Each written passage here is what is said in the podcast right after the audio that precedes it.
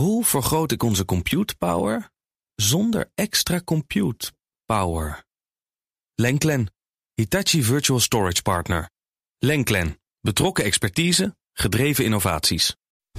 BNR Digitaal wordt mede mogelijk gemaakt door Amazon Web Services en Bit My Money. Zorgeloos beleggen in Bitcoin. Het geld van de toekomst. BNR Nieuwsradio. Digitaal. Joe van Buurik en Ben van der Burg. Goed dat je luistert naar BNR Digitaal. Apple recycelt onze iPhones, ook in Nederland namelijk. Maar hoe dat in zijn werk gaat, hoor je zometeen in een uitgebreid verslag. En hoe wil de NPO met de grootste Nederlandse commerciële mediabedrijven een vuist maken tegen de techreuzen uit de VS? Ook daar komen we straks uitgebreid op terug. We praten hier steeds vaker over AI, maar dan wel vaak met een mix van verbazing en waarschuwing voor de risico's ervan. Maar kunnen we kunstmatige intelligentie ook gebruiken om de grote problemen in de wereld op te lossen? Daarover gaan we vandaag discussiëren met Max Welling, hoogleraar machine learning aan de Universiteit van Amsterdam. Max, welkom in BNR Digitaal. Dankjewel. Goed dat je er bent. Jij leidt tevens het Nederlandse Research Center van Microsoft. En bijna een jaar geleden zei je erover in BNR's Big Five. We zijn nog mensen aan het binnenhalen. In september van 2022 zijn we pas een beetje goed op weg. Het is nu oktober 2022. Hoe staat het ervoor bij jullie? Nou, we zijn goed op weg. Ja? Ja, we hebben ondertussen toch wel uh, zo'n 15 tot 20 man en vrouw aangenomen binnen het lab. En uh, er zijn een aantal onderzoeksprogramma's gelanceerd waar we nu druk uh, mee bezig zijn. De eerste publicaties komen ook uit. En we groeien ook hard. We hebben met nieuwe, ook weer een nieuw lab in Berlijn uh, net geopend. Um, dus ja, het gaat eigenlijk heel erg goed. Ja, het is best wel knap dat je zoveel mensen hebt, want het zijn allemaal PhD's, denk, uh, ja, denk ik. Absoluut. En betaal je ze dan gewoon veel of waarom komen ze dan bij jou werken? Nou, er wordt niet slecht betaald. Uh, maar ik denk ook wel dat er een soort inspiratie van uitgaat. Want wij willen echt werken aan maatschappelijk relevante problemen. Uh, met name in uh, klimaatverandering. dus zorgen dat we nieuwe technologie ontwikkelen om te proberen klimaatverandering te bestrijden. Nieuwe materialen, nieuwe katalysatoren. Um, en ook in de gezondheidszorg nieuwe medicijnen. Dus het is ook heel aantrekkelijk om bij ons te werken, omdat het gewoon directe impact heeft op de maatschappij. En merk je dat daar een verandering in zit? Dat mensen de purpose, daar komt die weer, maar dat mensen een purpose willen hebben en daarom bij jou willen werken? Uh, ja, ik denk wel degelijk dat jonge mensen op dit moment, um, die net uit een PhD komen, ook die kant heel erg belangrijk zijn gaan vinden. Ja, ik, ja. ik zie het wel bij mijn studenten die aan de universiteit afstuderen, um, dat die dat ook wel heel erg belangrijk zijn gaan vinden. Maar is dat dan vooral iets van de nieuwe generatie? En, en zie je dan nu ook een um, spanningsveld in de wetenschappelijke wereld? Van misschien stel ik me voor de oudere garde die daar nog minder mee bezig is, maar de jongere garde die volop gemotiveerd is voor het aanpakken van de grote problemen. En dat daar misschien ook verschillende perspectieven in ontstaan? Of, of, of staan alle neuzen dezelfde kant op in dat opzicht? Nou, ik denk dat ook de oude garde, ik reken mezelf tot de oude garde, dus ik denk dat er ook wel degelijk uh, een hele hoop mensen in de oude garde de verantwoordelijkheid voelen om hier uh, mee bezig te gaan. Um, maar ja, ik zie het, het het beste bij mijn studenten, want ja, daar heb ik het meeste contact Tuurlijk, mee. maar weet je, ik vraag het ook omdat ze altijd zeggen de slimste koppen van de wereld, die zijn bezig om mensen zoveel mogelijk advertenties te laten klikken, hm. of die zijn bezig om uh, zo snel mogelijk te handelen op de beurs. En, maar, en nu, dus jij zegt, hè, ik zie juist een trend dat de slimste koppen van de wereld het klimaatprobleem willen oplossen. Die willen, die willen, en die willen ziektes uit de wereld brengen. Dus dat is dan een kentering als jij dat ziet. Of is ja. dat te opportunistisch, wat ik nu zeg? Nou, ik denk niet dat ik alle mensen zie. Nee, ik maar voornamelijk in contact met de mensen die dit een interessant onderwerp vinden. Ja, het is uh, toch weer beperkt, hè? Uh, maar ja, ik, ik denk ook wel dat mensen meer gaan voelen dat er meer urgentie is ontstaan rond klimaat.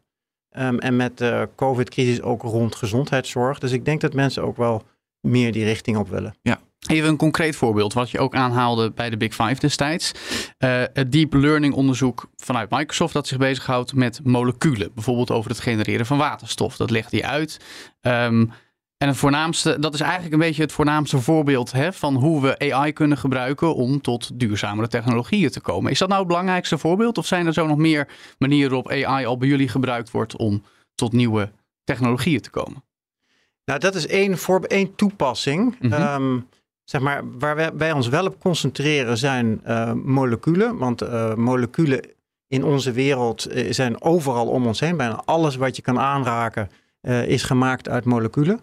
Um, en dus om zeg maar, belangrijke toepassingen bestaan uit het beter begrijpen van die moleculen. Hoe gedragen ze zich? Of ook hoe kan ik ze genereren? Hoe kan ik een molecuul genereren met een van tevoren gespecificeerde eigenschap? Bijvoorbeeld dat die CO2 uit de lucht haalt, um, heel effectief en bij een iets hogere temperatuur ook weer loslaat, zodat je het dan ook weer bijvoorbeeld in de grond kan stoppen.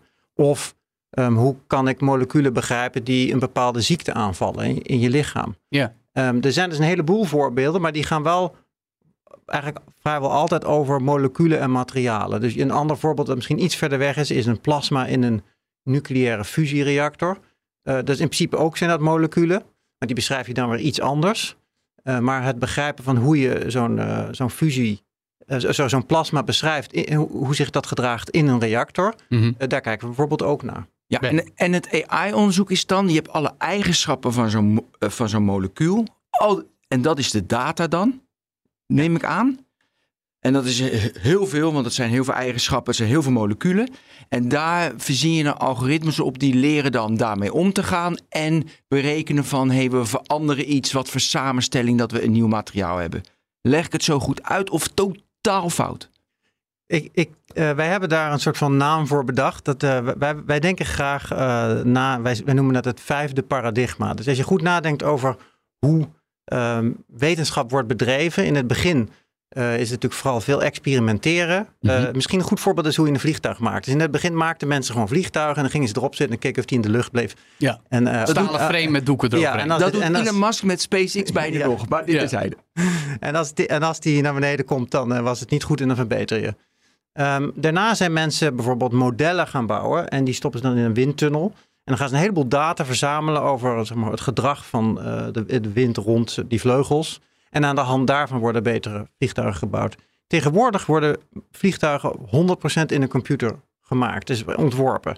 Dus zelfs de wind en hoe die over het vliegtuig heen beweegt en de krachten op het vliegtuig worden helemaal gesimuleerd in een computer.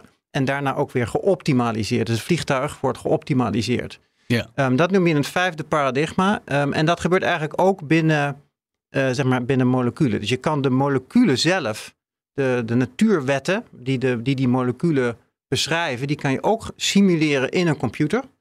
En aan de hand daarvan kan je dus eigenlijk data genereren in je computer. Dat is die data die uit die simulatie komt. Die simulaties zijn wel heel duur. Maar dan wordt die data gebruikt om een groot machine learning model te trainen, zodat die simulatie dan kan worden versneld. Om een voorbeeld te noemen, als je zeg maar, een molecuul hebt, er zit een elektronenwolk omheen. Die elektronenwolk kan je eigenlijk alleen goed beschrijven met kwantummechanica. Kwantummechanica is ontzettend duur om door te rekenen op je computer, maar er zijn wel allerlei goede benaderingsmethoden voor. Uh, maar zo, elke keer als je het doet, wordt die data niet weggegooid, maar gerecycled in een database. Mm -hmm. En daar wordt dan een model, een neuraal netwerk opgetraind. Um, en die kan dan zeg maar die kwantummechanische berekening omzeilen. Ja, ja. Ja, en dat kan dus eigenlijk alleen maar bedrijven als Microsoft, Google, de Big Tech, uh, AWS, Amazon, om die verschrikkelijke rekenkracht te kunnen doen. En jij verzint natuurlijk hele slimme algoritmen, maar dan heb je dus die Big Tech bedrijven nodig. Ja, ik denk dat is een hele goede observatie. Ik denk dat uh, het is een samenkomst van uh, bij elkaar brengen van machine learners en ook domeinexperts zoals chemici, natuurkundige. Ja. Maar de andere component is de enorme rekenkracht die je moet hebben. En de grote, grote techbedrijven hebben inderdaad die rekenkracht. Ja, om dan maar te zwijgen over de financiële middelen. Maar daar moeten we zo meteen nog even op terugkomen. Deze week houdt Microsoft de Research Summit. Waar jij ook gesproken hebt over het vijfde paradigma, volgens ja. mij, wat je net aanhaalde. Um, gebruiken jullie dat nou vooral uh, is dat marketing voor Microsoft of is dat kennisdeling om nog meer knappe koppen aan te trekken? Ik denk dat beide wel waar is. Ik denk dat we op zoek zijn naar talent. Mensen vooral, denk ik ook. Ja, ja, we zijn op zoek naar talent. Um, en, en, we willen graag mensen inspireren om aan dit onderwerp te werken met ons. Ja. Uh, maar Heeft dat veel effect? Zie je na zo'n summit opeens een toestroom van cv's en nog meer mensen om aan je team toe te voegen? Dat zou ik zo niet durven zeggen wat het uh, effect daarvan is, maar... Uh... Hey, nog even heel concreet. Hè? Dus je gaat nieuwe samenstellingen van, uh, van moleculen... en krijg je bijvoorbeeld sneller een nieuw medicijn. Want je kan het zo samenstellen, heel veel, heel veel rekening krijg je een nieuw medicijn. Is er concreet al iets uitgekomen dat we een nieuw medicijn hebben? Daardoor? Ja, ik denk wel, Microsoft werkt samen met Novartis. Dat is een pharma company. Ja. Um, en die werken echt wel samen aan het maken van nieuwe algoritmen en die algoritmen hebben ook echt een impact in zo'n farmabedrijf om, om het proces van het ontwikkelen van nieuwe medicijnen te versnellen. Dus er is in die zin wel uh, een echte impact. Kijk, om nou te zeggen van dit medicijn ja, is precies, ik eigenlijk, maar dat, is natuurlijk ook lastig. Dat is moeilijk ook wel, ja. Ja. Toch zijn er ook partijen die dan hun zorgen uiten. Onlangs een uitgebreid artikel in het FD dat stelde nou dat juist techreuzen uh, zoveel honderden miljoenen investeren in AI-research. Begrijpelijk, want we hadden net over de rekenkracht. Ze hebben de financiële middelen. Maar ze hebben daar dan dus ook, nou, uh, ik wil niet zeggen invloed, maar het gebeurt bij hun in huis. Um, je zou dan ook de lijn kunnen doortrekken en zeggen, nou op het moment dat er baanbrekende uitvindingen gedaan worden, dan kan dat vastgelegd worden in patenten bij Microsoft. Zie jij daar geen risico's? Je bent toch ook wetenschapper die de wereld wil verbeteren? Ja, ik zie dat die twee dingen niet noodzakelijk uh, zeg maar, tegen elkaar inwerken. Dus ik denk om het klimaatprobleem echt op te lossen, moet er flink uh, resources, flink veel geld tegen aangezet worden. De, wetenschappelijke, uh, de wetenschap daaromheen moet worden versneld. En wij gaan de technologie ontwikkelen, zeg maar de software ontwikkelen, die een heleboel andere bedrijven dan weer kunnen gaan gebruiken om hun onderzoek naar klimaatverandering en nieuwe medicijnen te versnellen. Ja. ja. moeten ze natuurlijk wat voor betalen. Licentie nemen ze af dan. Ja, ja. maar dat is gewoon. Ik, ik denk dat uh, zeg maar een bedrijfsleven met bedrijven die winst maken perfect gealigneerd kan worden met bepaalde maatschappelijke doelen. Ja. je kan natuurlijk wel aan denken dat, uh, dat je de academici en zeg maar de universiteiten een andere licentie geeft dan grote bedrijven. Maar uiteindelijk denk ik niet dat uh, in tegenspraak hoeft te zijn. Nee, dus daarbij moeten we ook gewoon vertrouwen op de goedmoedige intenties van techreuzen. Dat de investeringen die ze doen uh, ook echt uh, goed terechtkomen uiteindelijk. Dat de uitvindingen die gedaan worden voor iedereen die het nodig heeft, zeker als het gaat om, om onderzoeksinstellingen, wat je zegt, die zouden daar minder voor moeten hoeven betalen. Dat het ook gebeurt en dat er geen situaties komen waarbij hele belangrijke patenten voor hun verborgen zouden blijven op het gebied van algoritmes. Ja, ik weet niet of je moet vertrouwen. Ik denk dat Microsoft zich in het verleden goed heeft gedragen daarin. Um, en er kan natuurlijk regulering omheen worden ontwikkeld. Uh, mocht, dat lijkt me ook wel nog een max. Want uiteindelijk, als natuurlijk de beurskoers onder druk staat, dan gaat wel de licentieprijs omhoog. Want dat is natuurlijk gewoon ons kapitalistisch systeem. Dus je moet daar zorgvuldig mee omgaan. Zeker, ben ik me helemaal mee eens. Dus daar, dat, daar heb je wel mee te maken. Digitaal. We praten verder over onderzoek naar AI, zoals Max Welling dat doet. Onze gast vandaag in BNR Digitaal als hoogleraar Deep Learning aan de UvA en leider van het onderzoekscentrum van Microsoft in onze hoofdstad. Max, even iets heel anders. Um, want hoe kijk jij nou aan tegen de definitie van kunstmatige intelligentie tegenwoordig? Is dat niet een beetje een modewoord voor algoritmes aan het worden in de volksmond? Wat jou betreft. Ja, ik denk dat, dat het AI heeft, is heel erg uh, containerbegrip geworden. En uh, als je een beetje data-analyse doet, dan ben je al heel snel uh, iemand die AI doet. Ja. Um, dus ja, dat is een inflatie onderhevig. Daar ben ik het wel mee eens. Ja, of dat heel erg is, weet ik niet. Uh, ik, ik weet wat ik ermee bedoel. En wij zijn vooral bezig met machine learning. Dat is toch ook wel weer een, een kleinere tak van sport, hè, waarbij je echt probeert uit data modellen te leren. Um, en deep learning is dan daar ook weer binnen een nog kleinere versie uh, die heel belangrijk is. namelijk hele diepe neurale netwerken met miljoenen parameters trainen um, om voorspellingen te doen. Dus yeah. ja, het, het, is, het, begrip is wat vaag, daar ben ik mee eens. Ja, nou, bijvoorbeeld deze week was nog de zaak van Bunk tegen DNB, dat dan AI gebruikt om klanten te screenen. Uh, vraag je dan daarbij af van, is die term AI nog wel gegrond? Of moeten we niet ook, misschien is het meer te veel semantiek hoor. Maar is het belangrijk dat we onderscheid maken tussen wat is een algoritme, wat is AI, wat is deep learning, wat is machine learning? Of mogen het allemaal containerbegrippen zijn? Ik denk dat het belangrijk is om goed begrip te kweken bij wat AI is en wat het allemaal kan. Ja, vooral um, daarom, hè, dat mensen ja. begrijpen wat het doet. Ja, dus, uh, dus ik denk niet noodzakelijk dat dat afhangt van de term die je gebruikt, want die kweekt niet dat begrip. Ik denk vooral dat we in gesprek moeten gaan um, met de politici en beslissers om hen uit te leggen wat dit soort algoritmen allemaal kunnen en waar je grenzen moet stellen eventueel. Ja, gebeurt dat voldoende op het moment? Um, ik denk dat het beter kan. Ja. Ik denk dat vooral mensen die beslissen in, in de politiek uh, ja, dit, deze materie ingewikkeld vinden.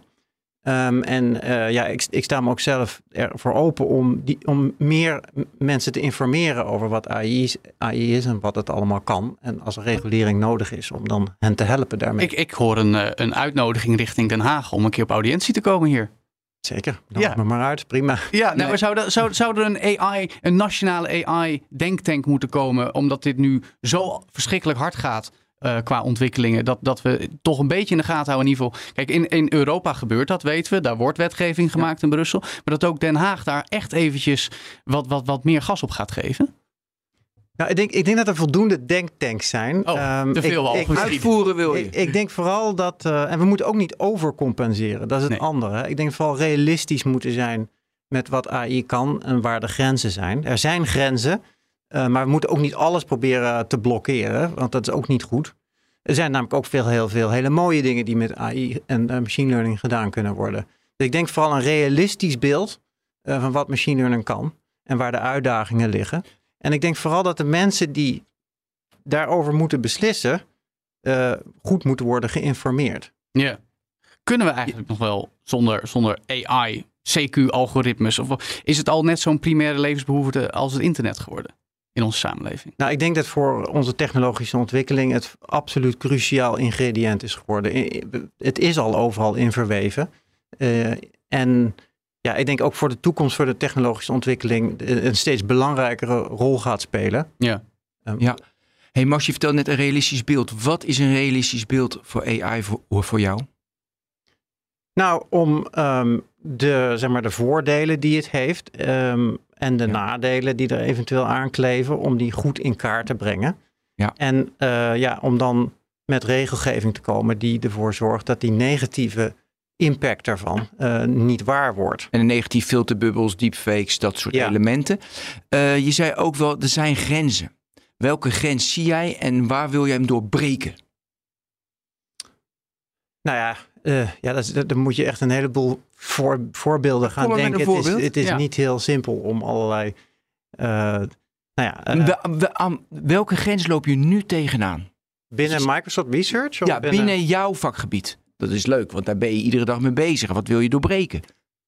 Nou ja, ehm, binnen mijn vakgebied, ja, je zou kunnen denken aan, eh, zeg maar, dat eh, het beïnvloeden van mensen via social media, dat daar ook eh, nadelen aan kleven. Dus dat je voor, hè, dat als je heel veel op je sociale media zit of nieuws leest en een deel van dat, je kan bijvoorbeeld niet zien welk deel van dat nieuws eh, waar is, op waarheid berust, of dat het fake nieuws is. Ja. En dat je grote mensen kan beïnvloeden, ehm, dat is natuurlijk eh, lastig voor een, voor een democratie. Maar dat is een mooi voorbeeld, want juist eh, dat is een punt waarvan Brussel ook zegt, nou daar moet inzicht in komen. In ieder geval overheden en misschien ook al gebruikers moeten kunnen zien hoe die algoritmes zijn samengesteld. Eh, maar zou dat soort potentiële wetgeving ook doorgetrokken moeten worden tot algoritmes die in de onderzoekswereld worden gebruikt? Want ook dat eh cascadeert uiteindelijk in wat wij als samenleving daarvan merken. Moet, moet eh, AI alom open source worden? Dat iedereen kan zien hoe zijn deze sets getraind en wat voor impact heeft het op alles wat ik doe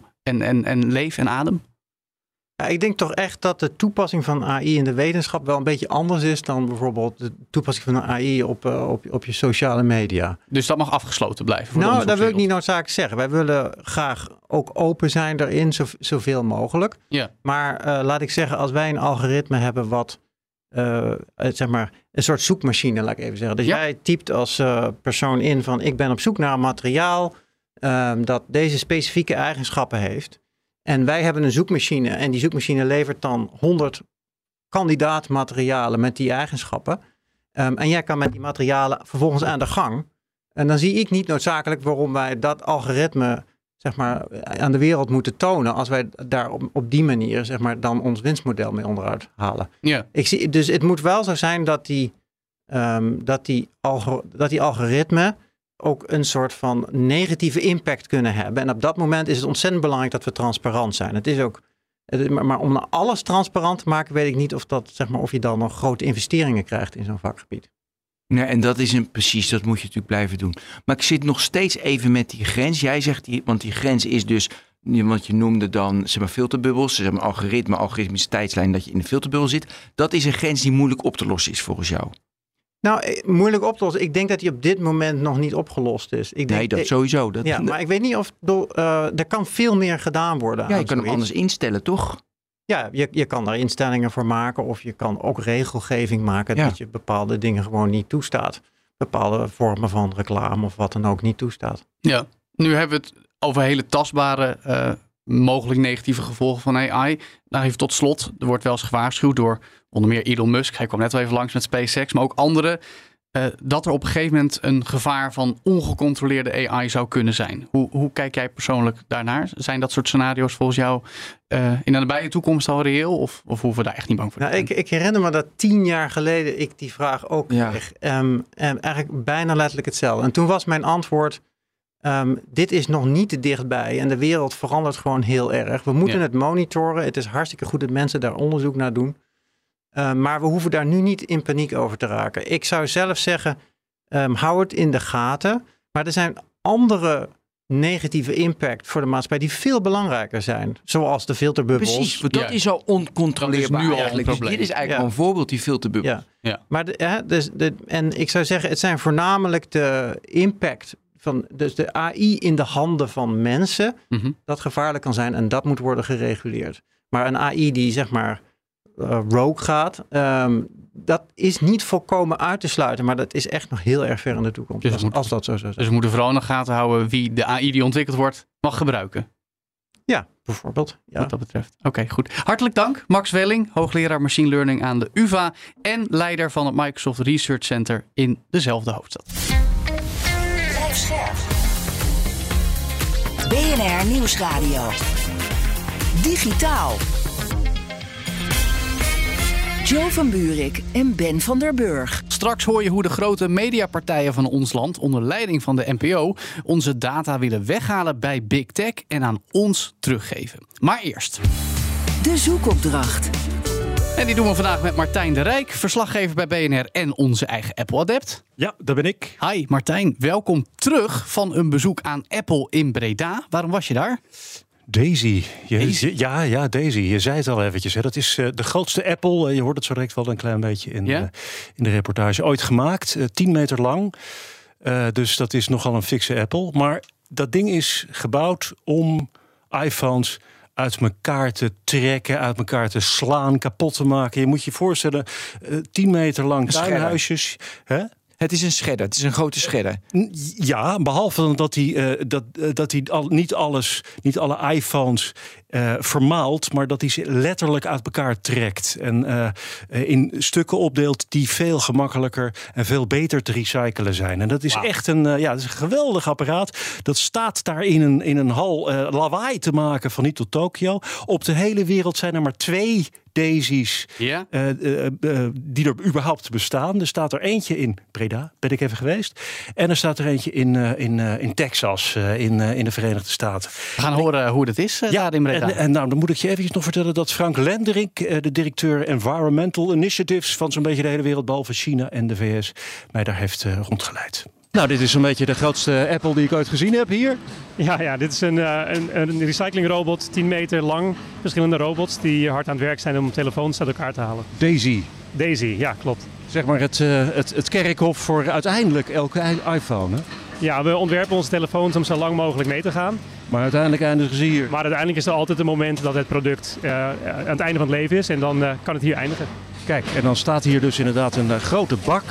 Dat zijn heel veel iPhones eh, die ik daar eh, zie liggen. En die gaan één voor één hier het apparaat in. En Ja, ze gaan dus, we kunnen hier, de modellen hoeven niet uitgesorteerd te worden. Dus 23 verschillende modellen kunnen hierin worden op een, op een lopende band gevoerd. En worden geïdentificeerd door een, een, camerasysteem om te kijken welk model het is. En dan gaat het het proces in. dat proces kunnen we gelukkig zien door het, door het raampje. Een robothand die pakt die iPhone op. Die legt hem op een soort van pijnbankje. Hè? Ja, de, het scherm zit vast met twee schroeven aan de onderkant van de telefoon. Die worden eerst eh, als het ware doorgesneden door twee pinnen. Dat scherm is dan klaar voor een, eh, een vervolgstap in de recycling, wat niet hier gebeurt. En de behuizing ehm, gaat dan naar de volgende stap in het, eh, in het proces om verder uit elkaar gehaald te worden. En hier eh, gaat het opeens dampen. Ja, ja. De, ehm, dit is het station waar de batterij uit het product wordt gehaald. Ehm, we gebruiken daarvoor min 80 graden koude lucht. De, de telefoon wordt eigenlijk afgekoeld. Uh, de, de, uh, de materialen die gebruikt worden om de batterij vast te maken in de behuizing worden dan broos. En uh, het wordt eigenlijk gewoon uitgetikt daarna. En dan hebben we een behuizing uh, en de batterij die gescheiden zijn. En ik hoorde hem al eventjes, uh, bam bam, zei hij. Ja, ja, hij slaat op een, als een soort van een hamer op een aanbeeld, slaat hij uh, de batterij eruit. Hopla. Goeie timing. Goeie timing, ja. En hier uh, punch punch zie ik op de machines uh, staan. Wat gebeurt hier dan? Want ik hoor wel, in, uh, er wordt hier flink geramd. Ja, dus nu is het scherm is verwijderd, de batterij is eruit gehaald. Dan zitten de componenten in het product vast met schroeven. En die schroeven worden hier door een, eigenlijk een pons um, eruit geponst. Dus elke schroef wordt uh, ja, weggedrukt, eruit geponst, zodat de componenten loskomen in het product. Niet met een schroevendraaiertje? Niet met een schroevendraaier, nee. Dat veel werk. Dat zou te lang kosten, inderdaad. En uh, het is niet nodig. Deze producten zijn einde levensduur. Uh, dus er kan, het hoeft niet precies met een schroevendraaier te gebeuren.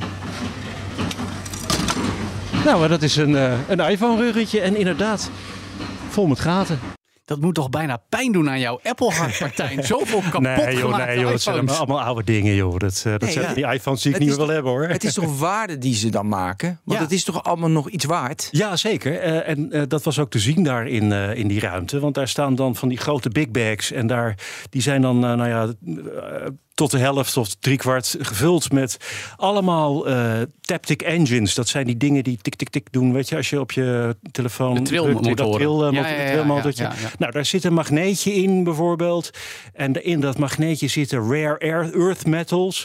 En er zit een, een tungsten, dat is eh eh, wolfraam Ja. eh, onderdeeltje in. Dat is hartstikke veel waard. Hey, en is dat, dan ook eh, de en reden dat ze zoveel cashback op gebruikte iPhones kunnen geven? Omdat ze het gewoon zo efficiënt weten te recyclen met Daisy. Eh, Nee, want, nee, kijk, want ze hopen eigenlijk dat. eh, wat, ze- wat ze willen is dat jij je iPhone, of men de iPhone, zo lang mogelijk gebruikt. Oké. Dus als jij cashback vraagt bij een winkel, eh, dan krijg je dus. dan lever je je iPhone in en dan krijg je 300 euro korting op je nieuwe iPhone. Ja. Die iPhone die wordt gewoon weer gerefurbished en verkocht. Ja, ja.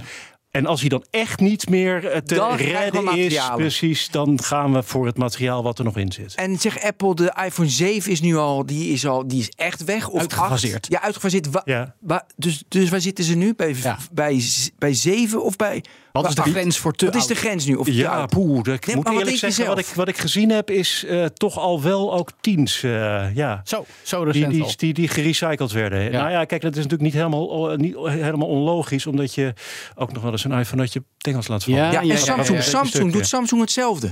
Nou, als eh, Samsung geïnteresseerd is, dan zijn ze van harte welkom. Ze kunnen de eh, blauwdrukken zo komen ophalen. Nou, en- Gebeurt dat al? Eh, nou, dat heb ik ze inderdaad gevraagd. Ja. nee, dat hebben ze nog niet gedaan. Maar Oh. ze zijn dus gewoon beschikbaar.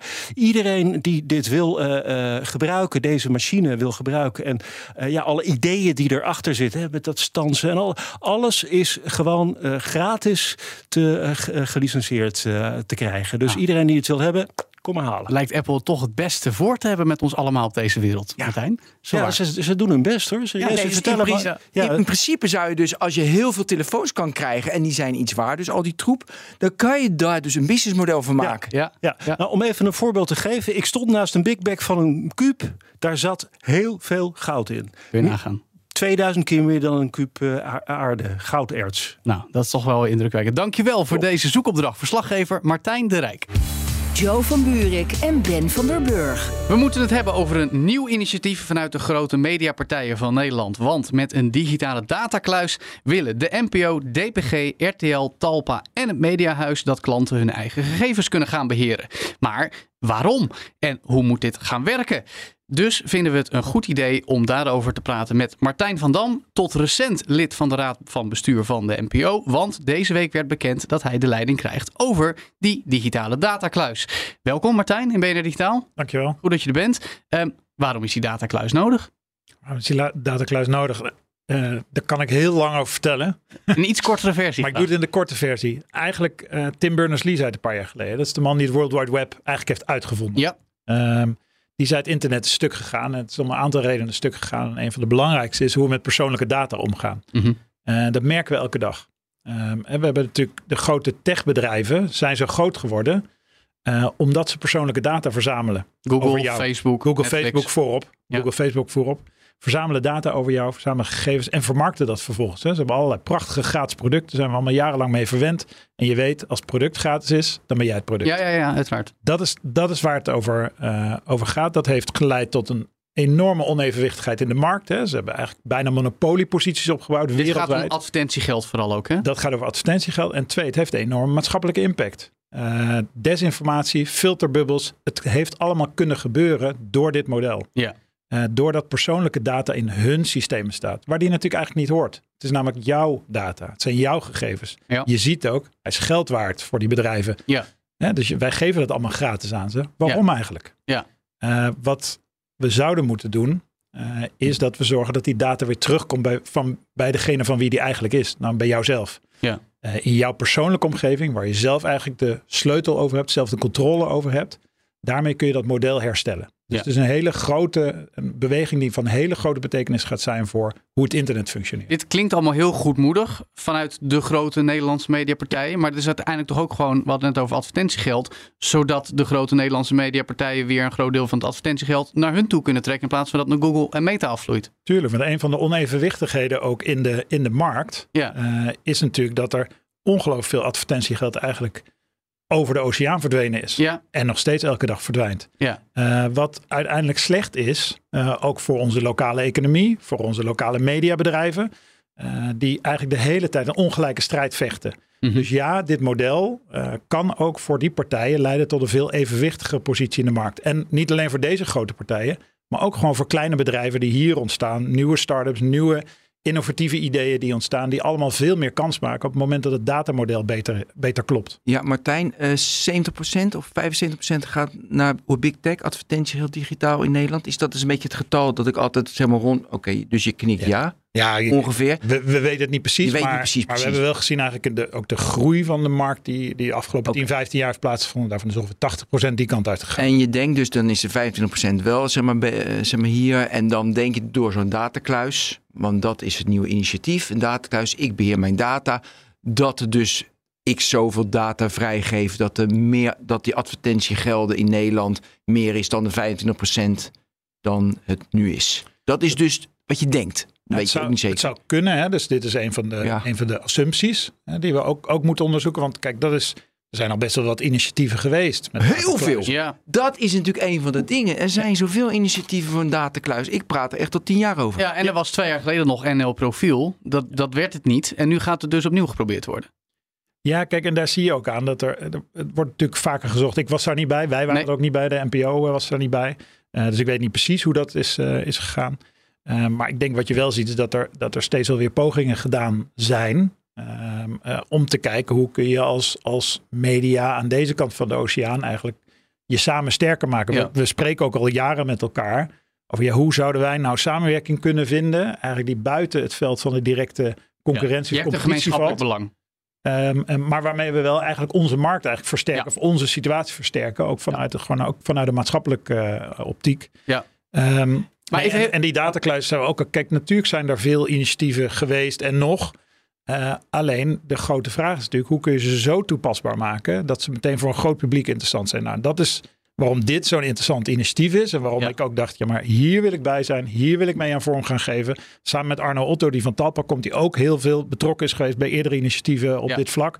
Eh, wij zijn met z'n tweeën op een gegeven moment, kijk, als wij, ik met wat meer publieke achtergrond, hij meer met zijn private achtergrond, als wij dit samen kunnen trekken, dan moeten we dit van de grond kunnen krijgen, omdat die vijf partijen nu gecommitteerd zijn aan deze Ja, visie. ja. Omdat ze zeggen, wij zien dat dit eraan zit te komen, wij willen dat zelf vormgeven.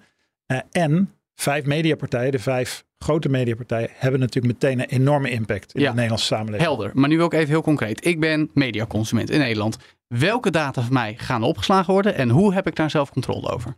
Kijk, in het, in het ultieme model, maar je moet je realiseren, we hebben het echt wel over een ontwikkeling die minstens vijf jaar, misschien wel tien Ja, maar jaar maar ultiem. ultiem. Wat, wat staat in het concept? ultieme model betekent dat eigenlijk alles wat nu over jou wordt opgeslagen, over je internetgedrag, Ja. wordt dan niet meer in centrale servers opgeslagen, maar in jouw persoonlijke omgeving in de cloud. Het Ja. decentraal. Ja. Ehm, en dat is eigenlijk de grote beweging die we Web 3 noemen. Ja. Van een eigenlijk een gecentraliseerd internet naar gedecentraliseerd internet. ja, dus jullie gaan blockchain gebruiken. Nou, er zit, ik weet niet welke technologie we precies gebruiken, maar het heeft alles te maken met dat soort technologie. Maar blockchain technologie is hier niet per se relevant voor. Je kunt het op andere manieren eh, doen, er zijn andere standaarden voor. Maar het, het heeft wel met dezelfde soort ontwikkelingen te maken. Ja, dus ja. je gaat eigenlijk, het, eigenlijk de mogelijkheden die er nu zijn om eh, van ik- alles eigenlijk te decentraliseren, die ga je gebruiken. En dat betekent dus je zegt, ik ga ultiem Ja, eigenlijk alle gebruiksdata opslaan in je eigen omgeving. Ben. wil ik nog concreter. Dus ik ga, dus alleen de Nederlandse media hebben, hebben we het over. Hè?